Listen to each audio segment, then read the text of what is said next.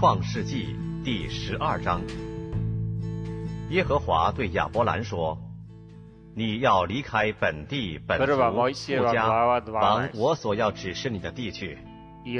我必叫你成为大国，我必赐福给你，叫你的名为大，你也要叫别人得福。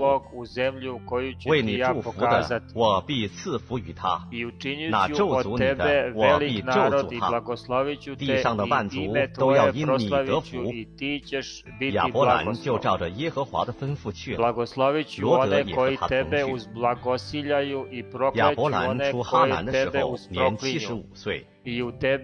亚伯兰将他妻子撒莱和侄儿罗德，连他们在哈兰所积蓄的财物、所得的人口，都带往迦南地区。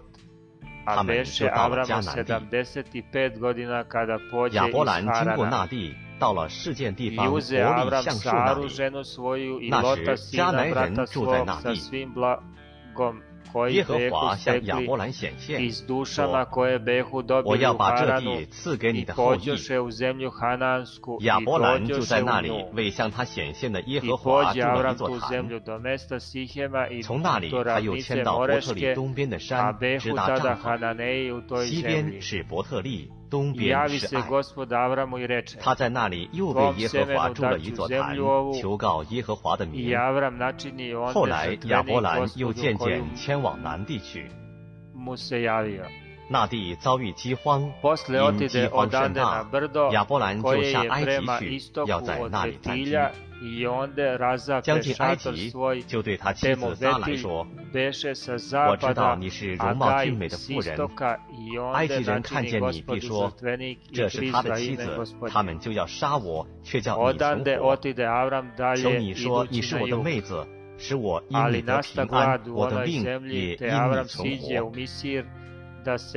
其实亚伯兰到埃及埃及人看见那妇人极其美貌法老的臣子看见了他就在法老面前夸奖他。那妇人就被带进法老的宫去。法老引着妇人就厚待亚伯兰亚伯兰得了许多牛羊骆驼公驴母驴徒婢仆婢。Nego, hajde kaži da si mi sestra, 亚伯兰妻子撒来的缘故降大灾与法老和他的 u životu 法老.就召了亚伯兰来说 kad：“ dođe Avram u Misir, 你这向我做的是什么事呢.为什么没有告诉我她是你的妻子？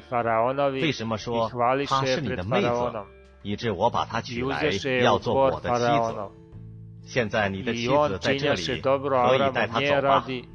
radi, te imaše 于 ovaca i 是法老 goveda i 吩咐人 magaraca 将 i 亚伯 sluga i 兰和他妻 sluškinja 子 i 并他 magaraca 所有的都送 i 走了。 kamila. Ali gospod pusti velika zla na faraona i na dom njegov radi Sare, žene Avramove. Tada dozva faraon Avrama i reče mu, šta mi to učini? Zašto mi nisi kazao da ti je žena? Zašto si kazao sestra mi je? Te je uzeh za ženu, sad eto ti žene, uzmi je pa idi. I faraon zapovedi ljudima za njim, te ga ispratiše i ženu njegovu i šta god imaše.